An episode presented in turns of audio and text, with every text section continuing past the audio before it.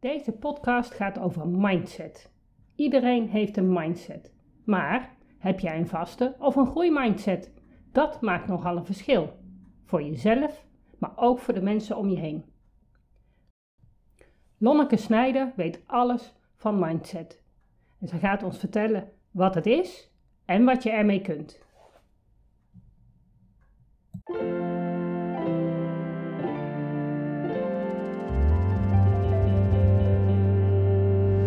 Welkom bij de Beelddenkers podcast. Ik ben Natasja Esmeijer van Beeldig Brein en de schrijfster van het boek Beelddenkers als kwartjes vallen. Ik neem jullie mee in de wereld van de beelddenkers. Beelddenkers zijn creatieve, intelligente en zorgzame mensen, maar ze hebben moeite met onze vluchtige, snelle maatschappij. Dat begint al op school en het werkt door in het werkende leven. Ik ga in gesprek met leerkrachten, ouders van beelddenkers en met de beelddenkers zelf natuurlijk.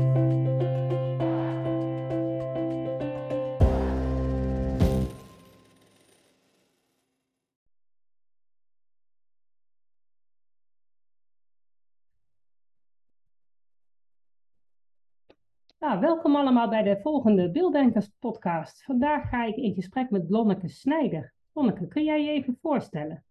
Ja, natuurlijk kan ik dat. Hey, hallo allemaal. Ja, mijn naam is uh, Lonneke Snijder dus. Ik uh, ben uh, een van de twee eigenaren van Platform Mindset. bij Platform Mindset geven wij trainingen en ontwikkelen allemaal materialen op het gebied van mindset. En dan gaat het heel specifiek over de mindset-theorie zoals Carol Dweck de Amerikaanse hoogleraar dat eigenlijk uh, uh, ja, al uh, inmiddels wel heel wat jaren geleden heeft geïntroduceerd. En we gebruiken die theorie um, ja, om, om mensen beter te helpen leren, om te ontwikkelen, maar ook eigenlijk gewoon in hun dagelijks leven prettiger in hun vel te laten zitten. Ja, nou, ik ja. heb natuurlijk wel van mindset gehoord. Ik ken ook het boek van Carol Dweck, heb ik ook gelezen. Ja. Uh, wat mij heel erg opviel aan het boek van Karel Dweck is dat ik altijd op zoek was, wat is nou precies de oplossing? Uh, waar zit nou precies dat stappenplannetje wat ik kan gebruiken? Dat kon ik niet echt vinden. Hebben jullie dat wel uh, gevonden? Nee. Nee. Nee, want ik denk ook dat er geen stappenplan is. Als je het nee. over mindset hebt, hè, misschien dan handig om eventjes wat ja, ja, erover uit te leggen. Ja. Hè, want dan uh, weten we een beetje waar we het over hebben. Wat Carol Dweck eigenlijk ontdekte, zo'n, uh, nou, volgens mij was het uh, 1999 of zo, dat ze daar al over, over publiceerde, was de, de mindset-theorie over de vaste mindset en de groeimindset. In het Engels fixed mindset, growth mindset. En wat zij toen, um, ja, zij ontdekte eigenlijk die mindsets als, um, ja, wij vertalen bij Platform Mindset eigenlijk als, als overtuigingen. Hè? Dus welke overtuigingen heb je nou over hoe slim je bent, hoe goed je kunt leren, waar je talenten liggen, je kwaliteiten. Um, nou, eigenlijk hè, je overtuigingen over jezelf. En vanuit die vaste mindset uh, ontdekte Carol Dweck, er zijn dus mensen die heel sterk vanuit die vaste mindset denken en het idee hebben van ja, alles wat ik kan, dat ligt vast. Weet je, ik ben met een bepaald genenpakketje geboren en dat is het. Mm-hmm. Daar moeten we het mee doen. Uh, hè, dus ik ben uh, bijvoorbeeld heel goed in, uh, in, in, in talen, maar ik ben heel slecht in ruimtelijke inzicht en dat soort dingen. Hè. Ik heb heel veel talent voor, voor muziek, maar ik ben super, echt totaal niet sportief. Nou, dat soort overtuigingen hebben we het dan over qua vaste mindset. Ja.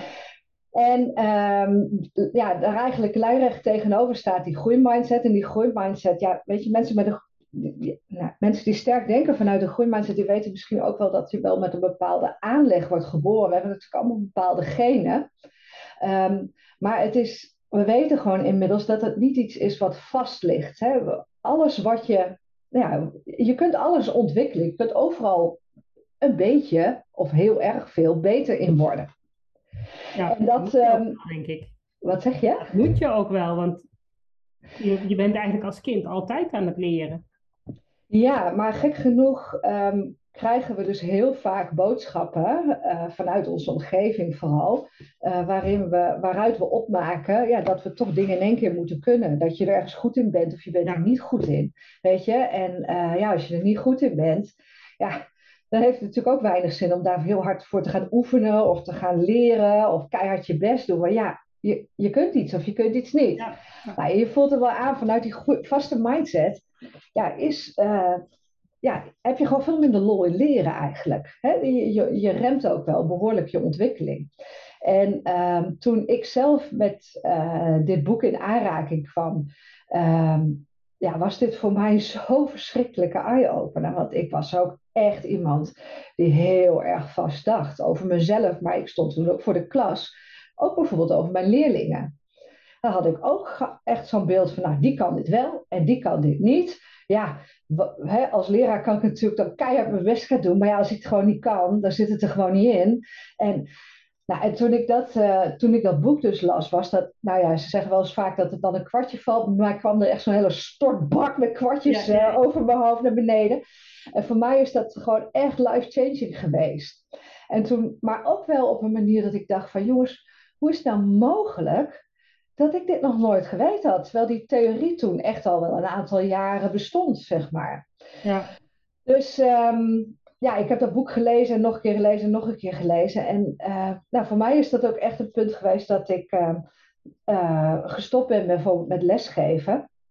En iets anders ben gaan doen. Omdat ik gewoon, ja, ik, ik zat toen ook echt op een punt in mijn leven dat ik nou, gewoon niet zo goed wist wat ik nou verder wilde doen in de rest van mijn leven. Dus, um, en uiteindelijk uh, heeft het, nou, ben ik bijvoorbeeld weer gaan studeren. Nou, dat was voor mij ook altijd een hele dikke, vette overtuiging dat ik niet kon studeren. Ik en studeren, dat was geen combinatie, riep ik altijd. Bijna trots, hè? Van, nou, dat gaat gewoon niet. Nee, ja, ach. Nou ja, maar dus, heb je ook een mooi houvast. Als je, als je er zelf overtuigd bent, dan kan het een hoop duidelijkheid geven. Precies, precies. Ja, maar ja, dit boek zet dat... verder mee.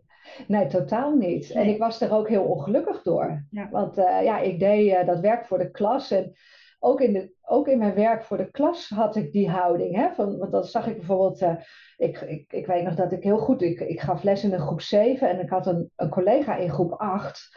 En die man die, nou, die, die had elke keer weer zulke toffe nieuwe dingen bedacht. En die voerde allerlei onderwijsvernieuwingen door. En en ik zat er eigenlijk keer ook echt heel jaloers naar te kijken. Maar zelf kwam er niets uit mijn handen. Ik was gewoon zo gewend om van ja, dit is wat ik kan. En, en, en daar houdt het gewoon op. En daar werd ik dan vervolgens eigenlijk gewoon doodongelukkig van ook nog. Nou ja, ik zie wel een parallel met, want ja, de Beelddenkers podcast. Um, volwassen beelddenkers, ik spreek ze natuurlijk regelmatig. Um, die er dus achter komen, gewoon ben een beelddenker en ik leer gewoon anders. Uh, die hebben vaak heel erg de overtuiging van ik ben dom, ik heb dyslexie, ik kan niet leren. Die komen dus vaak op latere leeftijd achter dat ze eigenlijk veel meer kunnen dan dat ze altijd gedacht hadden. Wat hun altijd was ingeprent vroeger op school. Van, nou ja, weet je, je kan het toch niet. Waarschijnlijk hebben ze dat gedeeltelijk ook zelf ingeprent. Van nou, zelf al denken van ja, maar weet je, de rest kan het veel makkelijker. Bij mij loopt het helemaal niet. Nee, tuurlijk. Dus die, die parallel zie ik zeker wel. Ja, ja maar dat is ook hoe, hoe die, vaste mind zich, die vaste mindset zich vastzet in je. Die, ik, ik ben er best wel van overtuigd dat we, als we heel jong uh, zijn, dat we eigenlijk allemaal wel vanuit die groeimindset kijken. Maar als je van heel kleins af aan al telkens merkt dat je anders bent. Of dat hè, inderdaad sommige uh, heel veel kinderen bijvoorbeeld in jouw klas bepaalde opdrachten heel gemakkelijk afgaan en het jou heel veel moeite kost. Ja, ons brein wil altijd verklaren waarom, waarom de dingen zijn zoals ze zijn. En we gaan daar dus een verklaring voor zoeken. En uh, als dat niet goed begeleid wordt en we snappen onszelf niet goed genoeg, ja, dan kun je dat dus gaan, aan dingen gaan toeschrijven als, zie je wel, ik ben dom, hier ben ik niet goed in, ik heb hier geen aanleg voor. Dat zie, dat zie je heel, en, en heel eerlijk, dat hebben we allemaal, weet je, we hebben, hebben allemaal. Ik denk dat iedereen wel een stukje vaste mindset in zich heeft. Absoluut. En, dat is en, helemaal niet erg, denk ik. Ik denk dat geeft, geeft denk ik ook een beetje hou vast. Want als je altijd maar beter moet worden en altijd maar moet leren, dan hoeft het ook niet. Dus- nee, maar dat is ook zeker niet de boodschap van de groeimindset hoor, dat dat altijd moet. Maar um, ik zie de vaste mindset vooral heel erg als een. ik zie mindset ook eigenlijk vooral als een, als een soort kopingsmechanisme van hoe ga je om met een bepaalde situatie. En die vaste mindset, van nou, ik ben hier gewoon heel goed in, of uh, nou ja, ik kan hier toch niks van, laat maar. Um, dat is ook eigenlijk gewoon een soort zelfbescherming. Het is gewoon een stukje zelfbescherming om uh, nou, geen gezichtsverlies te hoeven lijden in een omgeving waar je je bijvoorbeeld gewoon niet helemaal veilig voelt. En, en um, ja, ik denk dat die vaste mindset daarin um, uh, gewoon een heel goede houvast kan zijn. Ja. ja, je ziet het natuurlijk ook wel bij, bij wat slimmere kinderen. Dat ze gewoon zo gebombardeerd worden met complimentjes. dat ze gewoon gaan geloven. Nou ja, goed, eh, ik, ik kan blijkbaar dingen heel goed. Maar dat ze daarna ook daar last van gaan hebben. Van ja, maar nu, moet ik, nu kan ik het niet in één keer, maar dat wordt wel van mij verwacht. Ja, of, of verwacht ik van mezelf. Of, en, en verwachten ze het ook van zichzelf. Ja. Uh, vaak uh, hoogbegaafde kinderen zijn vaak ook beelddenkers. Dus die hebben al sowieso al zo'n perfect plaatje in hun hoofd van wat ze eigenlijk hadden willen maken. Ja. Dan zit dat perfectionisme ook nog in de weg. Maar wat, wat ik inderdaad wel merk is dat ze dan zo al gecomplimenteerd worden. En dus daardoor ook al die vaste mindset uh, gestimuleerd wordt eigenlijk. Ja, dat is zeker, zeker een factor die uh, daarin meespeelt. Ja, ja, want de dingen die. Uh, ik, ben, ik, heb zelf een achtergrond als specialist over begaafdheid. Dat heb ik voordat Platform Mindset oprichtte, of eigenlijk tijdens ook nog gedaan. En dan begeleid ik veel hoogbegaafde kinderen en hun ouders en hun leerkrachten in mijn praktijk. En je ziet gewoon dat deze kinderen zo van jongs af aan gewend zijn dat de dingen in één keer lukken. En dan uh, staan we daar ook nog oeh, voor te applaudisseren. van hé, hey, wat knap van jou, echt supergoed. Terwijl er eigenlijk gewoon echt niks knaps aan is, want het lukt in één keer. En uh, vanuit, als je echt vanuit die groeimindset denkt, wanneer zijn de dingen nou knap? Nou, dat is als je er tien keer over gestruikeld bent en die elfde keer toch weer opstaat. Dat is eigenlijk ja, pas echt knap. Ja, precies. Dan geleerd nou ja. van... Nou ja, of niet eens dat het lukt, maar wel dat je weer opstaat. Weet je wel? Dat je het weer probeert. Da en, en ik denk dat we zeker als we uh, die slimme kinderen wat vroeger kunnen signaleren, wat, wat natuurlijk de laatste jaren echt wel een vogelvlucht aan het nemen is. Um, dat, uh, dat we proberen toch de kinderen echt wel op jonge leeftijd te signaleren. Dan kun je ook ouders op dat vlak een, uh, een stuk begeleiden.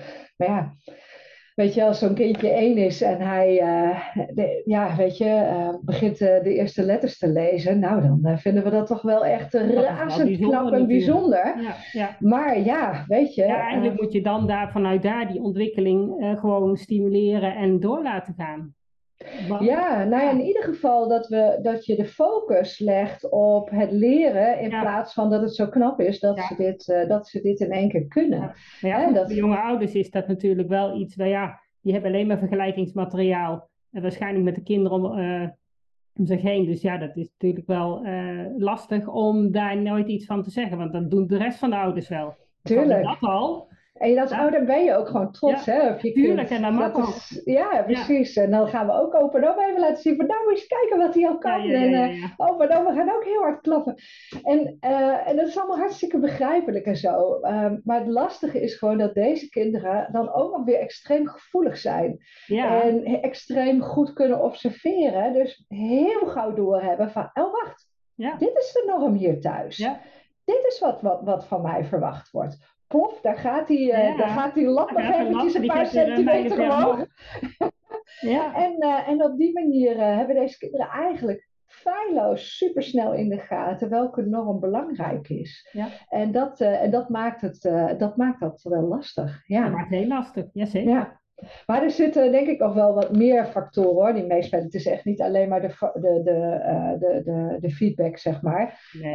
het hele perfectionistische wat veel van deze kinderen hebben, helpt natuurlijk ook niet mee. Zeker dan niet in combinatie met die feedback nee, van die nee, ouders. Nee, ik noem ze ook altijd superbeelddenkers. En dat betekent dat ze misschien super intelligent zijn, maar ook super gevoelig en daar super veel last van hebben. Dus het is aan alle kanten is het uh, een beetje te veel eigenlijk. Of, of ja, dat kan. Ja. Ja, ja, en ze zijn allemaal anders natuurlijk. Dus, ja, de een heeft er last van, de ander niet. Ja, de ander die fietst er doorheen. Maar de meesten hebben er toch redelijk wel last van. Uh. Ja, en zeker denk ik op het moment dat we naar school gaan en merken dat we, ja, dat het, dat we toch anders zijn dan het schoolsysteem uh, van ons verwacht, zeg maar. Dat, uh, daar, daar zie ik wel echt vaak dat het dan Dat daar echt de, de, de knauw komt bij veel van deze kinderen. Ja. Dat uh, ook, ook op het gebied van mindset. Van, oh wacht, dit is, uh, wat is de norm binnen deze klas? Ah, oké, okay, dat je nul fout haalt. Nou, dan gaan we dat eens even voor ja. elkaar krijgen. Of juist helemaal niet. Hè? Die kant uh, die kom je natuurlijk ook regelmatig tegen. Ja, wat ja. ik veel zie is dat ze vaak, ja, dat zullen misschien niet die extreem hoogbegaafde kinderen zijn, maar dat ze gewoon inderdaad uh, zich vervelen. Dus eigenlijk allemaal denken, oh ja, dat gaat makkelijk, gaat makkelijk. En dan, dus eigenlijk op een gegeven moment het begin van de les nog opletten, maar halverwege de les, als net die cruciale informatie komt, dan zijn ze inmiddels al lang verdwenen. Waardoor ze toch vaak heel veel basisinformatie niet meekrijgen. Ondanks dat die intelligentie zeker aanwezig is, toch niet kunnen rekenen en toch die spelling niet voor elkaar krijgen. En, en dan daarop afgerekend worden en dus ook de uitdaging niet meer krijgen, waardoor ze nog verveelder raken en gefrustreerder raken. Ja, inhoudelijk lopen ze daar eens tegenaan. Hè? Als ik inhoudelijk bedoel ik dan met, uh, met de lesstof, maar ik merk ook dat het gaat uh, ook dus dat ze daardoor het leren leren uh, lastig vinden. En dan komt mindset ook weer op de hoek kijken. Mm van nou, hoe lang ga ik me nou concentreren op een bepaalde taak en uh, doorzetten. Ik begin niet door die leerkuil heen. Nee, nee. Want nee. dat is ook een stukje wat jullie natuurlijk met platform mindset. Tenminste, ik ben hem een keer bij jullie tegengekomen, de leerkuil. Ja. Hebben jullie die in Nederland geïntroduceerd of hebben jullie hem gewoon ehm, Nee, de leerkuil is, komt van, van James Nottingham, van Challenging Learning uit, uh, uit het Verenigde, Verenigd Koninkrijk. Verenigde Staten zeggen maar. Um, wij hebben veel contact met hem. binnenkort doen we ook weer een webinar, of twee webinars zelfs met hem in de komende periode. hij heeft ook al op een aantal congressen van ons gesproken. Um, en um, hij heeft die leerkuil een aantal jaren geleden geïntroduceerd. Die heeft hij afgeleid van de U-theory, dat is een bepaalde verandertheorie. En uh, hij heeft dat eigenlijk vertaald naar het onderwijs. En wij waren, uh, ja, mijn collega Inge en ik, wij, wij, wij hadden allebei ook al onze eigen coachingspraktijk. En wij gebruikten die leerkuil eigenlijk allebei ook al. En uh, ik gaf ook veel les in plusklassen. Daar gebruikte ik hem ook standaard elke, elke dag, altijd. Um, dus op een gegeven moment uh, hadden we daar ja, zoveel ervaring met, uh, met het werken met die leerkuil. Dat we dachten van ja, we willen hem nog wel een keer echt helemaal vormgeven zoals hij past bij ons. Dus wij zijn hem wel echt veel meer als een soort coachingstoel gaan gebruiken. Van hoe leer je nou als er een uitdaging op je pad komt? Wat komt daar dan allemaal bij kijken? En um, zo, hebben we hem, ja, zo hebben we hem ook vormgegeven. Dus we hebben hem helemaal zelf getekend. Mijn collega Inge die kan fantastisch vormgeven. Dus die heeft dat ook helemaal gemaakt. En um, nou ja, we gebruiken hem dus echt om, om de stadia van het leren leren. Van de dingen waar je tegenaan loopt. Al die aspecten komen eigenlijk terug in die leerkuil. Dus um, nee, we hebben hem zeker niet zelf bedacht. Maar we hebben wel echt onze eigen draai aangegeven zoals wij hem inzetten. Dus je kunt hem ook wel eens tegenkomen dat hij op een andere manier wordt ingezet natuurlijk. Oh zeker, ja, ik ben hem inderdaad op meerdere manieren tegengekomen. En ik heb natuurlijk ook mijn eigen draai aangegeven door hem voor de beelddenkers te vertalen. Dat die natuurlijk toch net een ander leertraject hebben. En dat is, ja, dat is onze business, dus uh, daar leggen wij de focus op. Dus mm -hmm. dat, uh, ja. Nee, klopt, maar het, is wel, het, is wel, het geeft wel inzicht in ja, wat voor, ja, waar je doorheen moet om naar nieuwe dingen te komen. Terwijl eh, jonge kinderen, die ervaren dat eigenlijk vanzelf. Gewoon, ze leren fietsen, door het, een paar keer, het gaat een paar keer mis en uiteindelijk lukt het wel. Dus als je een, een, een normaal ontwikkelend kind hebt, die, die gaat uiteindelijk zelf al door die leerkuil heen. Ja. En die heeft dan ook zo'n ervaring van, nou ja, weet je, als ik maar een paar keer oefen, dan lukt het steeds beter. En als je bij sommige kinderen, die, dat zijn meer de, de kijkers, dat zijn vaak de beelddenkers, die gaan eerst eens even op een afstandje kijken van hé, hey, wat, wat, wat, wat doen ze nou eigenlijk? Die maken intern een beeld van, nou ja, zo moet het. En dan gaan ze het doen en dan blijkt dat hun lichaam dat helemaal nog niet kan. en dan denken ze, ja, nou, uh, laat maar, ik wacht nog wel even. Ja, ja, ja, en dan zie ik bij die slimpies, dan, die kijken dan naar andere mensen die fietsen. En die denken, goh, mijn broer die stapt op die fiets in één keer weg. En dat doet mijn moeder ook. En als ik het doe, Sorry, als ik het doe, dan val ik om. Dus ja, dan kan ik het niet. Ik kan niet fietsen. Nee, daarom, dan kan ik het niet. Of ze kunnen het wel. En dan, lopen, dan, dan stappen ze op die fiets en op drie jaar leeft het en ze fietsen gewoon mee. Ja, ja, Sommigen ja. die hebben hun uh, lichaam zo onder controle. En dan juist, denk op het moment dat het niet lukt, en natuurlijk zitten er ook een heleboel beelddenkers bij, die dan echt nog wel twee, drie keer proberen. En dan op een gegeven moment lukt het wel. Die hebben, het is niet zo dat ze allemaal in één keer wegfietsen natuurlijk. Nee, zeker kan het allemaal mee, mee ophouden. Was maar zitten er wel een paar bij, zeker door de hoge gevoeligheid. Als ze dan hard gevallen zijn, precies, jij gaat niet nog een keer zo uitvallen. Nee, precies. Nee, nee, dan wacht ik wel tot ik zeker weet dat ik zeker het kan. weet dat ik het kan. Ja, ja, ja. ja dat zie ik zelfs uh, van die hele slimme kinderen al met het leren lopen bijvoorbeeld uh, echt doen. Die blijven net zo lang kijken naar anderen tot ze denken, nou weet ik zeker dat ik het kan en dan gaan ze. Ja, mijn zus had een tweeling, dat was wel grappig. Een jongen en een meisje. En dat meisje dat was de hele tijd aan het oefenen met leren lopen. En dat jochie die had echt zoiets van, nou ja, die zag dat dus aan. Op, op de dag dat zijn zus aan het lopen was, liep hij ook. Nooit geoefend. Nee. Ik dacht, oh, wat zij kan, kan ik ook. En huppakee, ging erachteraan. Ja, ja mooi hè? Ja. ja. Het zijn allebei beelddenkers, dus eh, er zit echt wel verschil in hoe ze dat... Uh, Zeker. Ja, hij heeft het haar gewoon laten uitvinden. Hij heeft gewoon gekeken en hij dacht, nou, dat kan ik ook. Ja, ja, ja. Ja. bijzonder hè? Ja. Ja, nou jij noemde net nog van het over die leerkuil heen springen. Dat, uh, het, lastige uh, wat, je da wat ik daar steeds bij zie, is dat um, we geven heel duidelijk aan van op het moment dat je die leerkuil ingaat, hè, dan, dan, dan hebben we, we noemen dat, dat je reptiele brein, hè, dan, dan krijg je toch die gedachten van oeh, dit is lastig, dit kan ik niet. Dan komen die mindsets komen ook gauw om de hoek kijken. Um, en die glijdt dan eigenlijk tot onderin. En wij hebben dan ook zo'n zo'n muurtje onderin de leerkuil staan. En dat muurtje dat staat eigenlijk symbool voor dat moment dat je denkt van... Ja, ik weet even. Of uh, geef ja, nou, vooral, ik weet even niet hoe ik verder moet. Oh, ja. Hoe, wat, wat, moet ik nou doen? En um, mijn ervaring is, is dat dat eigenlijk zo'n zo'n cruciaal moment is uh, voor het leren omdat je daar gaat bepalen welke strategieën je in gaat zetten. En um, het opbouwen van dus, ja, wij noemen dat altijd je gereedschapskistje met tools om dat muurtje om te krijgen. Jouw, ja. het, het, uitbreiden van je strategieën, uh, van je executieve vaardigheden, zo, hoe je het ook wil noemen. Ja. Dat is zo essentieel voor leren. En uh, op het moment dat je dus steeds over die leerkuil heen springt, het is niet alleen dat je dus uh, ja, uh, dan in, he, die vaste mindset misschien tegenkomt, maar je, je bent gewoon niet aan het bouwen aan je gereedschapskist om te leren. Ja. En die gereedschapskist, ehm, die zorgt nou eigenlijk voor heel veel zelfvertrouwen tijdens het leren. Ehm, Bandura, ik kan even niet op zijn Albert Bandura wou ik zeggen. Die uh, heeft al in de jaren zeventig de term self-efficacy uh, geïntroduceerd. En self-efficacy is het vertrouwen dat je hebt in je, in, de, uh, in je eigen vaardigheden om een bepaalde taak tot een goed einde te brengen.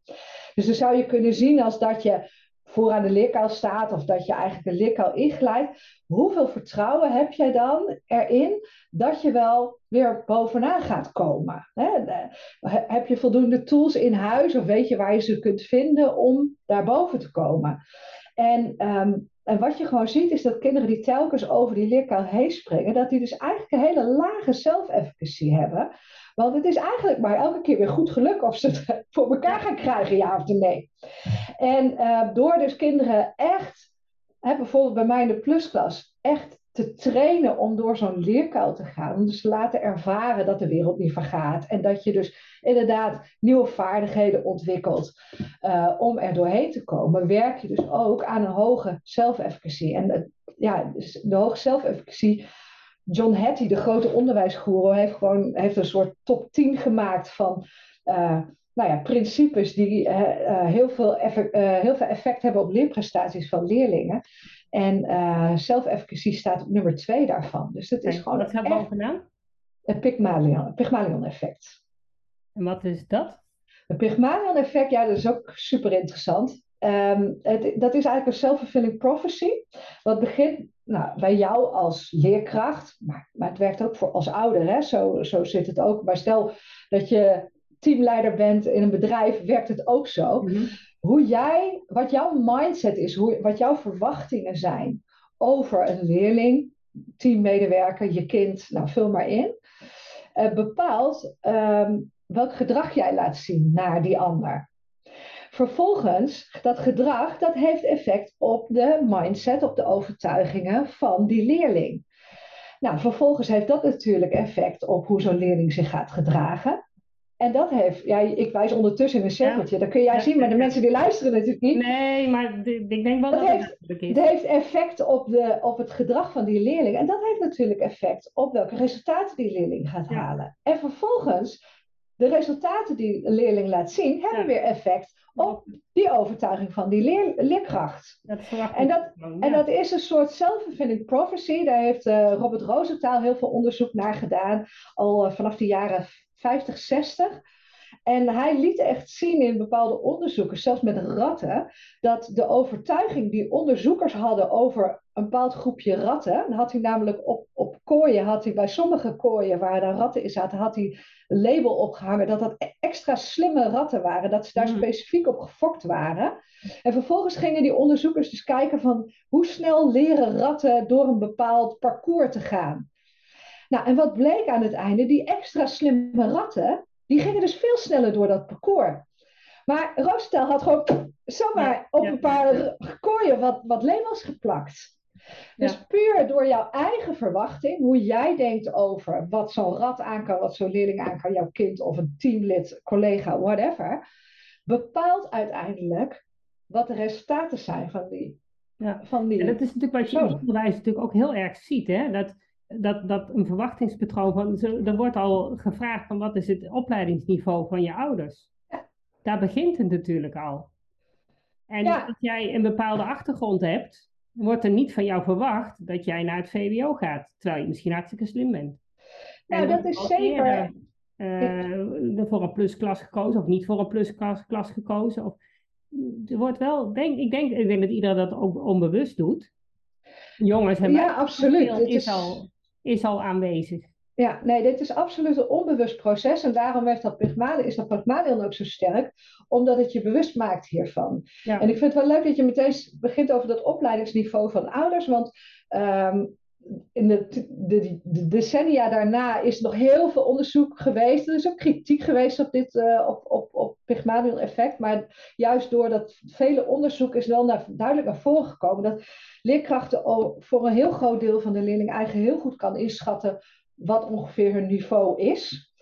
Uh, maar er zijn twee groepen leerlingen die heel specifiek uh, profiteren van een leraar die heel bewust bezig is met Pygmalion-effect. En een van die groepen is dus wat jij net aangaf, de groepen kinderen van ouders met een laag opgeleidingsniveau of uit een laag sociaal-economisch milieu, uh, uit immigratieachtergronden bijvoorbeeld. Dat zijn toch groepen kinderen waar leraren gauw onbewust het idee hebben dat ze toch niet zoveel aan kunnen. Dus um, zelf heb ik ook eigenlijk altijd op dat soort scholen gewerkt. En uh, de school waar ik het langst heb gewerkt, daar, toen ik daar de allereerste dag op school kwam, toen werd me dit Pygmalion-effect door mijn begeleider meteen die dag al uh, uitgelegd. En dat was dus ook echt hun nummer één aanpak. En het toffe was wel dat deze school um, ja, uitstroom had. We hadden 100% kinderen uit dit soort milieus, mm -hmm. maar we hadden gemiddelde uitstroom. Okay. Dus gingen kinderen naar het VMBO, maar dan gingen kinderen ook naar het VWO. En uh, dat heeft dus echt heel erg te maken met overtuiging. Welke verwachtingen heb jij van leerlingen? Maar daar speelt natuurlijk ook die groeimindset wel weer een rol. Kijk je naar leerlingen vanuit de vaste mindset, ja, zo is hij nou eenmaal.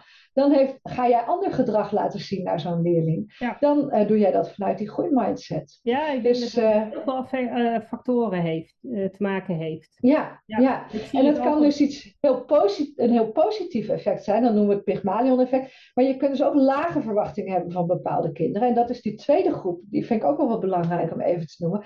Dat zijn de kinderen die op de een of andere manier een leerbelemmering hebben dus uh, dyslexie, maar ook ADHD. Uh, eh, ik schaar daar hoogbegaafdheid ook maar onder, omdat het mm. gewoon toch en vaak zo... En natuurlijk. Precies, daar zat ik ook aan te denken. Dus vaak die labeltjes, die brengen ook bepaalde verwachtingen bij een docent met zich mee. En um, kijk, jij en ik eh, zitten behoorlijk in de materie, maar als docent kun je ook echt niet overal verstand van hebben. Dat, nee, zeker. weet je, dat, dat lukt gewoon niet. Dus het is maar net als docent ook, welk boek heb je gelezen, welke leerlingen heb je al in je klas gehad, wat jouw ervaringen zijn met dit bepaalde label, wat ook bepaalt wat voor gedrag jij daarin laat zien, welke verwachtingen jij hebt. Ja. Dus um, ook als je dus, ja, met die labeltjes is het ook heel belangrijk om je ja, bewust te zijn van dat Pygmalion-effect. Omdat anders het golem-effect, dus het negatieve tegenovergestelde eigenlijk kan zijn. Hè? Van, nou ja, deze leerling heeft ADHD, ja, die kan niet stilzitten. Nou, weet je, Uh, daar ga ik niet eens moeite voor doen, want dat kan hij toch niet. Uh, ik ben natuurlijk ontzettend te chargeren nu. Hmm. Maar, en, en dan heb je eigenlijk een negatieve zelfvervulling Ja, en dat is wat ik ook heel veel zie, is dat um, uh, leerkrachten die vasthouden aan het systeem. Zo van, nou ja, weet je, we hebben dit boekje, we gaan deze volgorde doen. Ik merk als je dat systeem los durft te laten en denkt van, nou, wat moet deze leerling nou eigenlijk leren? Um, en dus wel moeilijkere stof aanbiedt zonder dat hij de sommen tot 20 geautomatiseerd heeft, zonder dat hij de tafels beheerst. Ehm, maar dan met hulpmiddelen wel bijvoorbeeld het delen uitlegt. Dat zo'n leerling verder komt dan dat hij maar eerst al die stappen moet uh, vol, want dan blijft hij hangen. Ja. Zo'n leerling denkt van ja, maar ik kan het dus niet. En dan heb je weer dat vaste mindset idee. Terwijl op het moment dat je zegt van ja, maar kijk, uh, als we nou een aantal stappen overslaan, dit is uiteindelijk wat je moet doen. En dat kan die wel. Kijk, dan, dan krijg je wel weer die groei van hé, hey, maar kan het wel? Alleen ik kan misschien niet al die tussenstappen. Ja. En dan bereik je wel dat zo'n kind misschien net even één niveautje hoger kan. Niet naar het practicon hoeft, maar wel naar basis kan. Ja. En nou ja, dat, dat, is natuurlijk ook wel een winst die je kan behalen. Absoluut. Maar daar zit, ja, ik moet dan weer meteen denken aan, uh, aan die self-efficacy. Hmm. Want self-efficacy is natuurlijk bij leerlingen, maar je hebt, er bestaat ook zoiets als een teacher efficacy. Oftewel, hoe, hoe denk jij over je eigen vaardigheden als leraar? heb jij uh, het idee dat dat ontwikkelbaar is? En uh, nou ja, durf jij zelf door die leerkuil te gaan, door dingen bijvoorbeeld los te laten of eens over te slaan? Uh, dus daar, um, en durf je hulp in te roepen. Juist, precies. Nou ja, al dat soort soort strategieën eigenlijk die onder in die leerkuil bij dat muurtje. Uh, welke gaat jou nu verder helpen? En ben jij dus een leerkracht met een hoge mate van self-efficacy, ja, dan ben jij, uh, dan heb jij vertrouwen in dat jij ook zo'n beelddenker uh, verder kan helpen. Stappen, dus, hè, daar stappen in durft te proberen. Ben je een leerkracht met nog een lage uh, mate van, lage mate van self-efficacy, ja, dan zul je merken dat zo'n leraar heel erg vast blijft houden aan die methode. Want ja, wat gebeurt er als ik loslaat? Dat, dat kan ik nog niet. Hè? Dus, nee, ja, dan heb je misschien ook wel een punt, inderdaad. Ja. Inderdaad, soms uh, een, een leerling zegt van, nou weet je, over drie maanden mag hij het op deze manier doen. Eh, dat stapje daarvoor, dat is juist heel erg verwarrend. Mag deze leerling dan misschien alvast het op de, op de, de uiteindelijke manier doen? Nee, want dan gaat het fout. Ja. Dan denk ik van zo'n leerkracht kan dus niet, heeft dus niet de tools inderdaad. Nou ja, ik denk dat dat dit effect is. ja. Die kan dus niet overzien um, wat er dan gaat gebeuren als die die paar stapjes overslaat. Ja. Uiteindelijk leidt dat alleen maar naar het eindproduct. Ja, ja daar kan het nog niet, zeg ik dan altijd graag. kan het dus dat, nog niet. Nee, nee. nee.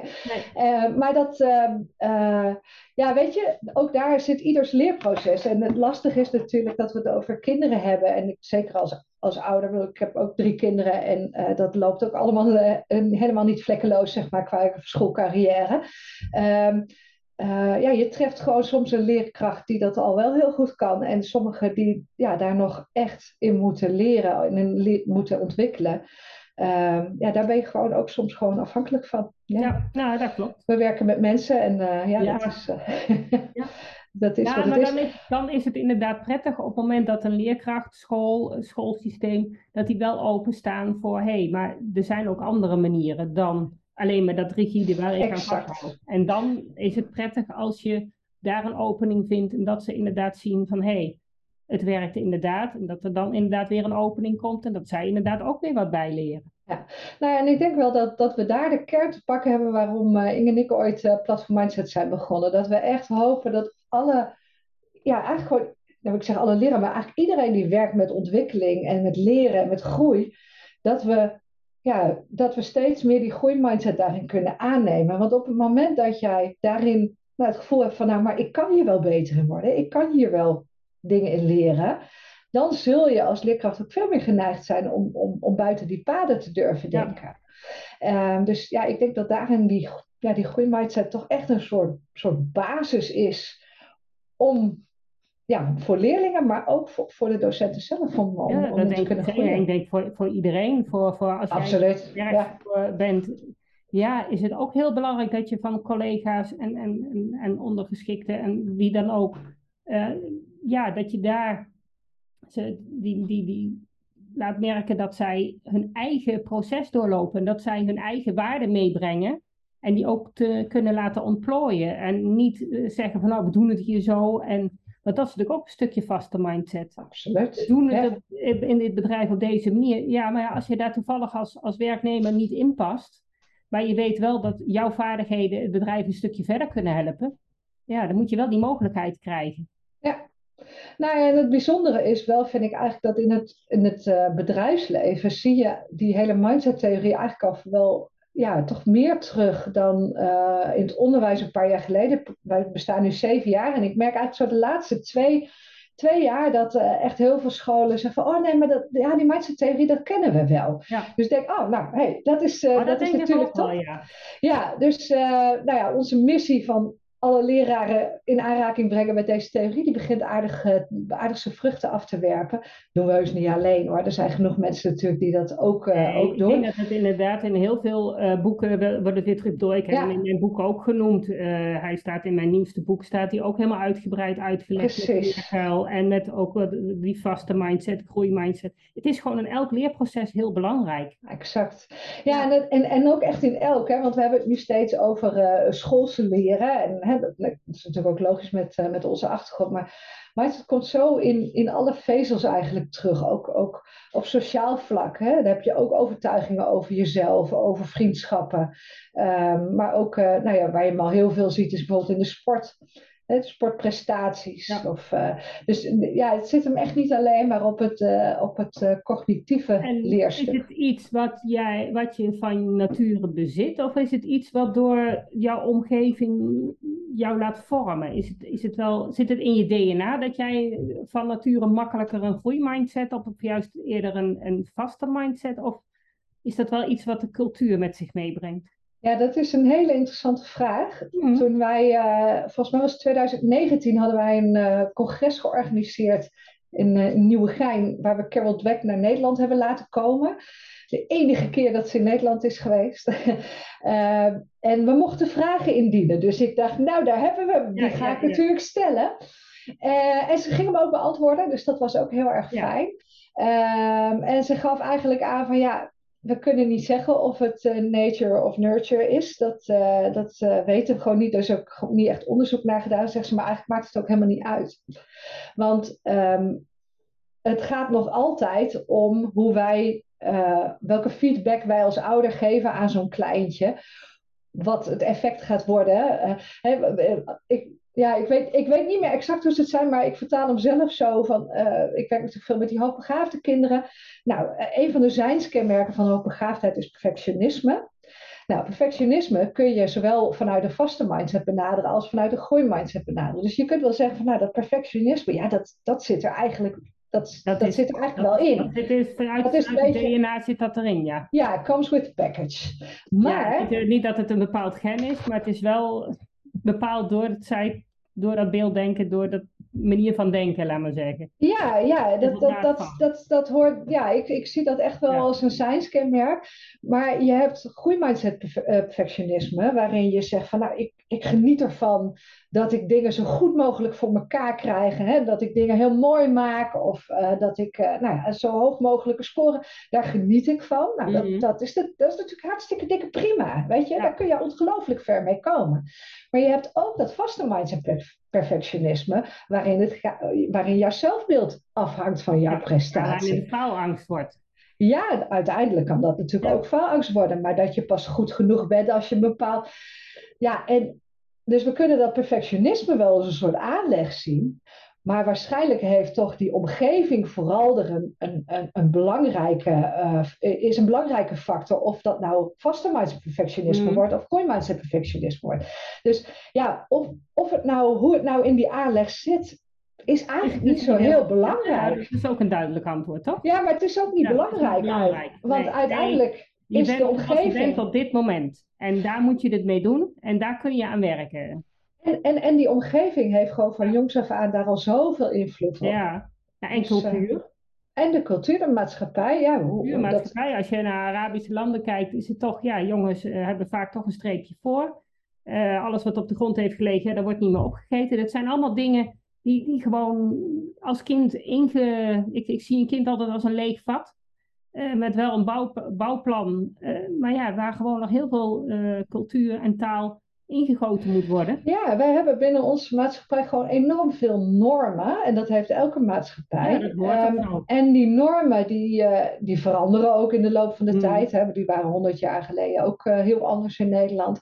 Uh, maar die normen, um, nou ja, dat, dat, is in de hele maatschappij zo. Maar dat zijn ook in mini-maatschappijtjes als een school. En kinderen zijn gewoon super sensitief om die normen te spotten. Dat, dat, dat is ook gewoon hoe ons brein werkt. Ons brein staat 24/7 aan om dat soort normen te spotten, omdat wij graag aan die norm willen voldoen, want wij willen graag bij de groep horen. Ja. En als die norm dus is dat uh, het heel prestatiegericht is en het belangrijk is dat je dingen goed kunt, hè, dat daar de focus op ligt, ja, dan is een vaste mindset gewoon een hele mooie, uh, veilige kopingsstrategie. En kom jij in een mini-maatschappijtje op een school waar leren de norm is en groeien en dat we van onze fouten leren en dat, hè, dat we kwetsbaar mogen zijn, ja, dan is er ruimte voor die groeimindset. Ja. ja, en zo is een, een leerkracht toch wel heel bepalend, of een school, hoe, hoe een kind opgroeit. Ja, de, de... Ik moet dan altijd gelijk aan Amerika denken, waar alles groot, groot en groot moet en echt prestatiegericht, nog meer dan hier ja, daar zie je toch ook een hoop mensen uitvallen en burn-out. En uh, gewoon omdat ze daar ook niet aan kunnen voldoen. Maar ja, het zit, wordt er wel helemaal ingegoten vanaf het allereerste begin. Dus ze hebben wel die drang om te presteren. Ja, ja ik vind dat heel, uh, heel duaal in Amerika. Want aan de ene kant uh, zit daar heel erg die prestatie. Maar aan de andere kant kunnen ze ook echt wel heel erg die groeimindset uitdragen. Dus dat botst denk ik ook regelmatig daar. Ja, dat denk ik wel, ja. ja. Ja. Ja. Nou, gelukkig hebben we hier daar niet. Ja, ik denk op bepaalde scholen zullen er denk ik inderdaad wel. En bepaalde milieus zullen ongetwijfeld die prestaties heel belangrijk zijn. Maar wat ik, ja, wij zitten hier natuurlijk eh, in de achterhoek. Uh, hier uh, merk ik daar niet heel veel van. Hier is het wel gewoon nog uh, dorpsschool. En doe maar gewoon zoals je bent. En ben je al gek genoeg. Nou ja, dat is natuurlijk ook een bepaalde norm. Hè? En uh, dat, dat uh, kan ook uh, voor heel veel best lastig zijn. Nou, ik, ik, ik kom natuurlijk op ongelooflijk veel scholen waar ik allemaal training geef. En um, um, ja, gek genoeg wou ik zeggen, maar dat is eigenlijk. Uh, waar ik best wel heel veel kom, zijn scholen uh, waar ouders zijn met, die heel hoog opgeleid zijn. En ik merk dat daar toch heel veel prestatie, prestatiedrang uh, ligt, vooral ook bij ouders. En dat scholen dus bij ons aankloppen om te vragen van geef ons eens handvatten hoe we hiermee kunnen dealen. Dat er toch heel veel druk ligt op de kinderen, dat ze wel naar het VWO moeten. Dat er veel naar de cijfers gekeken wordt. Dus ja, dan als school moet je daarin ouders ook wel echt ontzettend meenemen in dat hele verhaal. Ja. En aan de andere kant kom ik ja, ja, ook juist op die, die superkleine dorpsschooltjes waar je een heel gemeleerd publiek hebt. Um, want dat vraagt natuurlijk weer andere kwaliteiten van jou als docent. Want dan moet je enorm goed kunnen differentiëren. Want dan heb je soms wel drie jaargroepen in één klas. Met ook nog leerlingen die allemaal op compleet ander niveau werken. Ook dat vraagt van jouw eigen mindset weer een heleboel. Dus dan, eh, nou ja, dan steken we het daar weer een beetje anders in. Ja, ik was gisteren nog op een school. En uh, ik kom dan voor de hulp van één leerling. Waarbij het allemaal niet, ja, wat moeilijker gaat. En dan is het woensdagochtend. En dan komt er zo'n meisje. Ja, juf, ik heb de weektaak al af. En denk van ja, moet je zien hoe je als leerkracht op zoveel verschillende kinderen moet zorgen dat ze toch uh, ja, hun, hun leerproces door kunnen lopen en dat die ontwikkeling niet stopt. En uh, de ene moet je uitdagende opdrachten verzinnen, en de andere die, ja, ja. Die, die, die, die, struggelt om, om die weektaak af te krijgen. Nou, ik denk dat dat ook voor eh, de docenten echt, eh, echt een van de grootste opdrachten, uh, lastigste opdrachten is hoor. Om zeker binnen de systemen, maar goed, daar, gaan we, daar, kunnen we ook nog een uur over kletsen. Ja. Binnen de systemen die wij hebben staan in, in ons onderwijs, om daar ja, zoveel maatwerk te bieden dat ieder kind, ja, dat, dat is echt een hele pittige opdracht. En toch zie ik ik was vorige week uh, alvast een training geven op een school. En dan, uh, dan, hoor ik daar een leerkracht vertellen over hoe die, dat, uh, hoe die bijvoorbeeld ook een, een hoe noem je dat, een beeldende vormingsopdracht, bijvoorbeeld een bepaalde tekening maken of een bepaalde techniek met ecoline, gewoon op de weektaak zet. Omdat hij weet dat sommige leerlingen daar op maandag al mee beginnen, omdat ze dat heel erg leuk vinden. En sommige leerlingen vinden het verschrikkelijk, die waren het voor de laatste dag. En hij zegt van, ja, maar dat is zo mooi, want die mensen die op maandag dus beginnen, die kinderen die gaan dat allemaal ontdekken en uitzoeken. En dan die kinderen die dan op vrijdag er eigenlijk geen hol aan vinden, die hebben al uh, tien werkjes aan de muur hangen waarvan ze denken, ah, oh, wacht, dit is de bedoeling. En dan, dus weet je, zelfs op, op hij differentieert dus al binnen zo'n weektaak met een, met een kunstzinnige opdracht. om, ja, Om, om, ja, ik vond het gewoon heel tof. Weet je, dat soort leraren kom ik ook echt zoveel tegen. nou, daar geniet ik echt enorm van. Ik denk dat het voor een leerkracht ook gewoon heel goed is om, om uit te zoeken bij welke school jij past. Ja. Want uh, waar, welke soort leerlingen kun jij... Kijk, zoek jij de uitdaging uh, van, van inderdaad zo'n uh, zo'n klas met drie verschillende niveaus en, of drie verschillende groepen in één klas en allemaal verschillende kinderen. Ja, dan heb je veel meer uitdaging dan dat jij op een uh, hele grote school zit waarbij de kinderen redelijk hetzelfde niveau hebben. En ik denk als beginnende leerkracht dat het wel handig is als je even niet zo'n uh, hele diverse klas hebt. Wordt wel in het diepe gegooid. Maar... Ja, maar zeggen, vaak zie ik dan wel weer uh, bijvoorbeeld hele veel eisende ouders. Dat, dat is ook een vak ja. apart. ja, ik denk, ik denk wel dat, dat het klopt dat je zegt van, dat je, nou, en ik denk dat je als leerkracht die luxe nu ook best wel een beetje hebt van welke school past goed bij mij. Ik bedoel, er, er is een groot lerarentekort, dus er is vaak wel ergens plek. Um, maar toch ben ik zelf echt voor de leeuw gegooid in een, uh, ik weet het nog heel goed, op een, uh, nou ja, zo'n school met alleen maar uh, ja, leerlingen uit de achterstands, in de achterstandswijk in een groep 8 na de CITO zwangerschapsvervanging. Nou, dat was echt een hell of a job, kan ik je vertellen. Nee, het was niet een hell of a job in de zin van, ik vond het echt heel erg leuk, maar het was wel echt heel erg zwaar. Um, maar ik heb nergens zoveel geleerd als in dat halfjaartje. Oh, dat geloof ik. Ja, ja, ja kwam ik, ik zo van de af. als je als leerkracht heel erg open staat van, nou ja, uh, ik weet het eigenlijk nog niet helemaal, want ik kom net van de pabo. Maar goed, dat vind ik niet erg. Ja, dan denk ik dat je veel makkelijker uh, ook geaccepteerd wordt waarschijnlijk door je, door je leerlingen.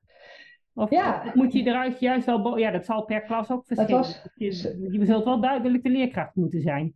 Ja, dat, dat zeker wel. Nou, dat, dat was ook wel. Maar ze hadden daarvoor ook echt nog een fantastische juf gehad. Dus het was ook vrij onmogelijk om daaraan te tippen. Zeker als je zo van de pabo af komt rollen. Ja, dat wordt een Maar uh, nee, ik heb daar wel echt enorm veel geleerd. En dat was ook voor mij wel de lat dat ik dacht van... Nou, ik wil wel, uh, ik wil wel dit, op dit soort scholen blijven lesgeven. dat je ook gewoon zoveel...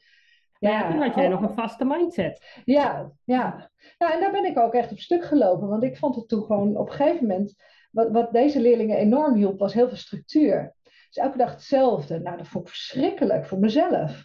En um, uh, daar ben ik echt toen op een gegeven moment wel echt op vastgelopen. Ik ben er ook wel echt wel een tijdje uit geweest. Ben daarna naar een andere school gegaan waar, dat, waar ik iets meer zelf inbreng uh, kon hebben. Maar ja, dat vond ik, bleek ik dus heel moeilijk te vinden. Want ja, daar, was, daar ja. werd ik heel onzeker van, zeg maar. Nou ja, en uiteindelijk kwam toen dat verlossende boek van, van Mindset uh, voorbij. Okay, ja, ja. Dus uh, toen heb ik nog wel een paar jaar uh, echt met plezier lesgegeven. En, en vervolgens een tijdje uit het onderwijs geweest. En daarna ben ik gaan lesgeven in plusklassen. Nou ja, als je nou zegt van hey, je moet iets zoeken wat bij je past. Nou, ja. dat past enorm bij mij. Ja, dat... dat ja, en daar is ik, mindset zo, zo uitgevormd aan, aanwezig. Alles, alles wat je, 80% wat je doet gaat over mindset daar en een leerkuil. Want dan ga je ook met die leerlingen, was het ook echt gewoon het doel van, weet je, je zit een halve dag per week hier bij mij. Um, hier gaan we door de leerkuil. Ik ga jou hier leren hoe dat moet. Ik ga je hier leren welke tools je nodig hebt. Die ga je hier ontwikkelen. Um, dus ik gaf daar vrij uitgebreide opdrachten. Um, en bijvoorbeeld hè, leren onderzoeken, dus een onderzoeksvraag opstellen. Nou, en dan hadden we een onderzoeksvraag uh, via het, onder, uh, het vragenmachientje. Dat was een hele, hele mooie tool. En dan kwamen we bij een onderzoeksvraag uit. En dan gingen we hem eerst toetsen aan de leerkuil. Dus, Oké, okay, dit is de vraag voor aan de leerkuil. Weet je al veel van het antwoord? Nou, heel vaak was het antwoord toch van ja, ja je weet ik eigenlijk al wel veel van. Oké, okay, dan is dit dus geen goede onderzoeksvraag voor de plusklas. Want dat, dat is niet de bedoeling hier. Nee, we gaan niet. Nee. Ja, dus hop, begonnen we weer opnieuw. Hè, dus, en, uh, en ik liet ze ook soms echt gewoon uh, gewoon bepaalde bouwopdrachten met rietjes of weet ik veel wat. En dan ga een, een, een, nou, een bepaalde opdracht en zorg ervoor dat je onder in die leerkuil als je onder in die leerkuil bij dat muurtje zit en je herkent het bij jezelf, roep je heel hard joepie! en dan had je soms die kleine kleutertjes, dan waren we lekker aan het werk, niet was bezig, hoor je daar joepie achteruit uit de, uit de zaal. Zat ik in de grote speelzaal. En dan denk ik, ja, maar weet je, dit is wel waar het bij deze kinderen om draait. Dat we gaan leren van, maar deze weg hoort erbij. Deze weg is eigenlijk juist interessant. En, en ja, het is, voor mij was het gewoon echt heel dik vet kicken als ze dan inderdaad uh, heel trots waren aan het einde. En dat ze dachten van ja, dit vind ik echt, uh, ja, dit is wel... Uh... Ja, want als ze dat niet leren, dan krijg je van die kinderen die op het VWO terechtkomen, omdat de lagere school eigenlijk allemaal op compensatie best wel prima ging. Ja, dan komen ze op het VWO, wordt het moeilijker. Dan hebben ze eigenlijk geen tools om met dat huiswerk om te gaan. En om nee, of... te gaan leren, want dat hebben ze nooit geleerd. Of soms pas op de universiteit. Soms pas op de universiteit. Ja, daar, uh, dat het daar... Ergens, uh, dat het daar in het traject gaat het vaak dan toch een keer fout. Ja. En sommige ja, of, of later in je werk. Maar ergens loopt het een keer vast. Ja, nou ja, goed. En dat is natuurlijk ook wel het idee van zo'n zo'n zo'n plusklas of leren-leren groep. Dat je mm, kinderen daarin ja. uh, begeleidt. Ja. Maar ja, weet je, als je dat een half dagje per week doet, dan kom je er uh, ook nog niet mee. Dus uh, nee, nee, ook daarin zit een stuk begeleiding van de leraren zelf, die daar dan vervolgens ook mee Maar gelukkig, heel eerlijk, de meesten willen dat dolgraag. En, dat denk ik ook wel. Ik denk dat dat voor leerkrachten ook wel een makkelijke tool is het is ook wel vrij simpel te begrijpen eigenlijk, mindset. Het is niet een heel ingewikkeld systeem. Nee. Nou, in basis is het heel, uh, heel duidelijk. Ja. ja, behalve dan toen ik dat boek las, had ik echt zoiets van, ja, ik vind niks tastbaars. Ik vind, was nee, maar dat, dat... alleen maar inderdaad het begrip. En ja, daar moet je het mee doen. Ja, want weet je, je kunt geen stappenplan doen, want iedereen is anders. En hoe de vaste mindset zich manifesteert bij jou kan heel anders zijn bij mij. We hebben ook uh, de map Groeien je groep gemaakt. Dat is een, uh, een, voor de onderbouw en middenbouw zijn die al uit. Voor die bovenbouw, die ligt nu bij de vormgever, dus die komt er echt heel binnenkort aan. En in die map hebben we 50 activiteiten opgenomen om te werken aan die groeimindset in je klas. En heel veel mensen zeggen van, oh ja, dat is een mooie methode, of niet? Maar dan, oh nee, dan begin ik al meteen te staan. Dit is geen methode. Want een methode is er niet. Want wat jouw klas nodig heeft, is iets heel anders dan wat die klas nodig heeft, of mijn klas nodig heeft.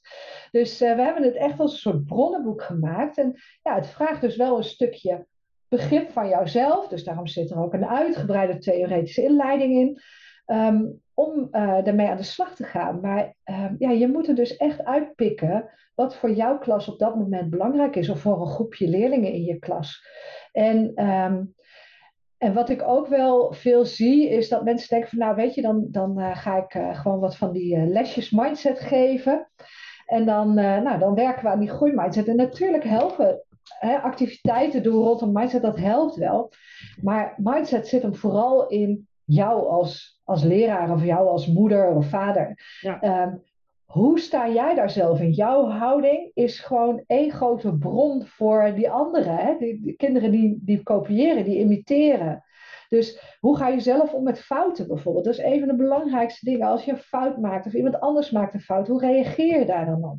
Als je met elkaar s'avonds op de bank zit en je kijkt naar een of andere talentenjacht op televisie en iemand zingt hartstikke vals.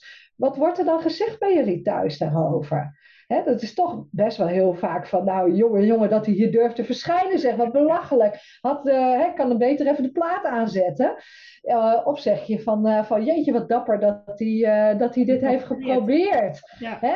gewoon die boodschappen, daar zit mindset eigenlijk vooral in. Ja, ik denk dat dat belangrijker is dan een lesje mindset. Absoluut. En natuurlijk helpt het wel om kinderen ook eens uit te leggen over dat verschil in groeien, vastdenken. Ik denk dat je er eerst bewust van moet worden dat dat bestaat. Want dan pik je ook makkelijker de signalen op. Absoluut. Als je als klas daar inderdaad een keer over praat, van goh, er bestaat een vaste mindset, er bestaat een groeimindset. Ik denk dat dat zeker helpend is, maar het is niet afdoende. Het is niet zo van, nou dan hebben we dat gehad, dus dan is het klaar. Nee, één keer uh, en dan is het klaar. Nee, en uh, wat ook wel een heel belangrijk uh, factor is ook bij die mindset zijn emoties.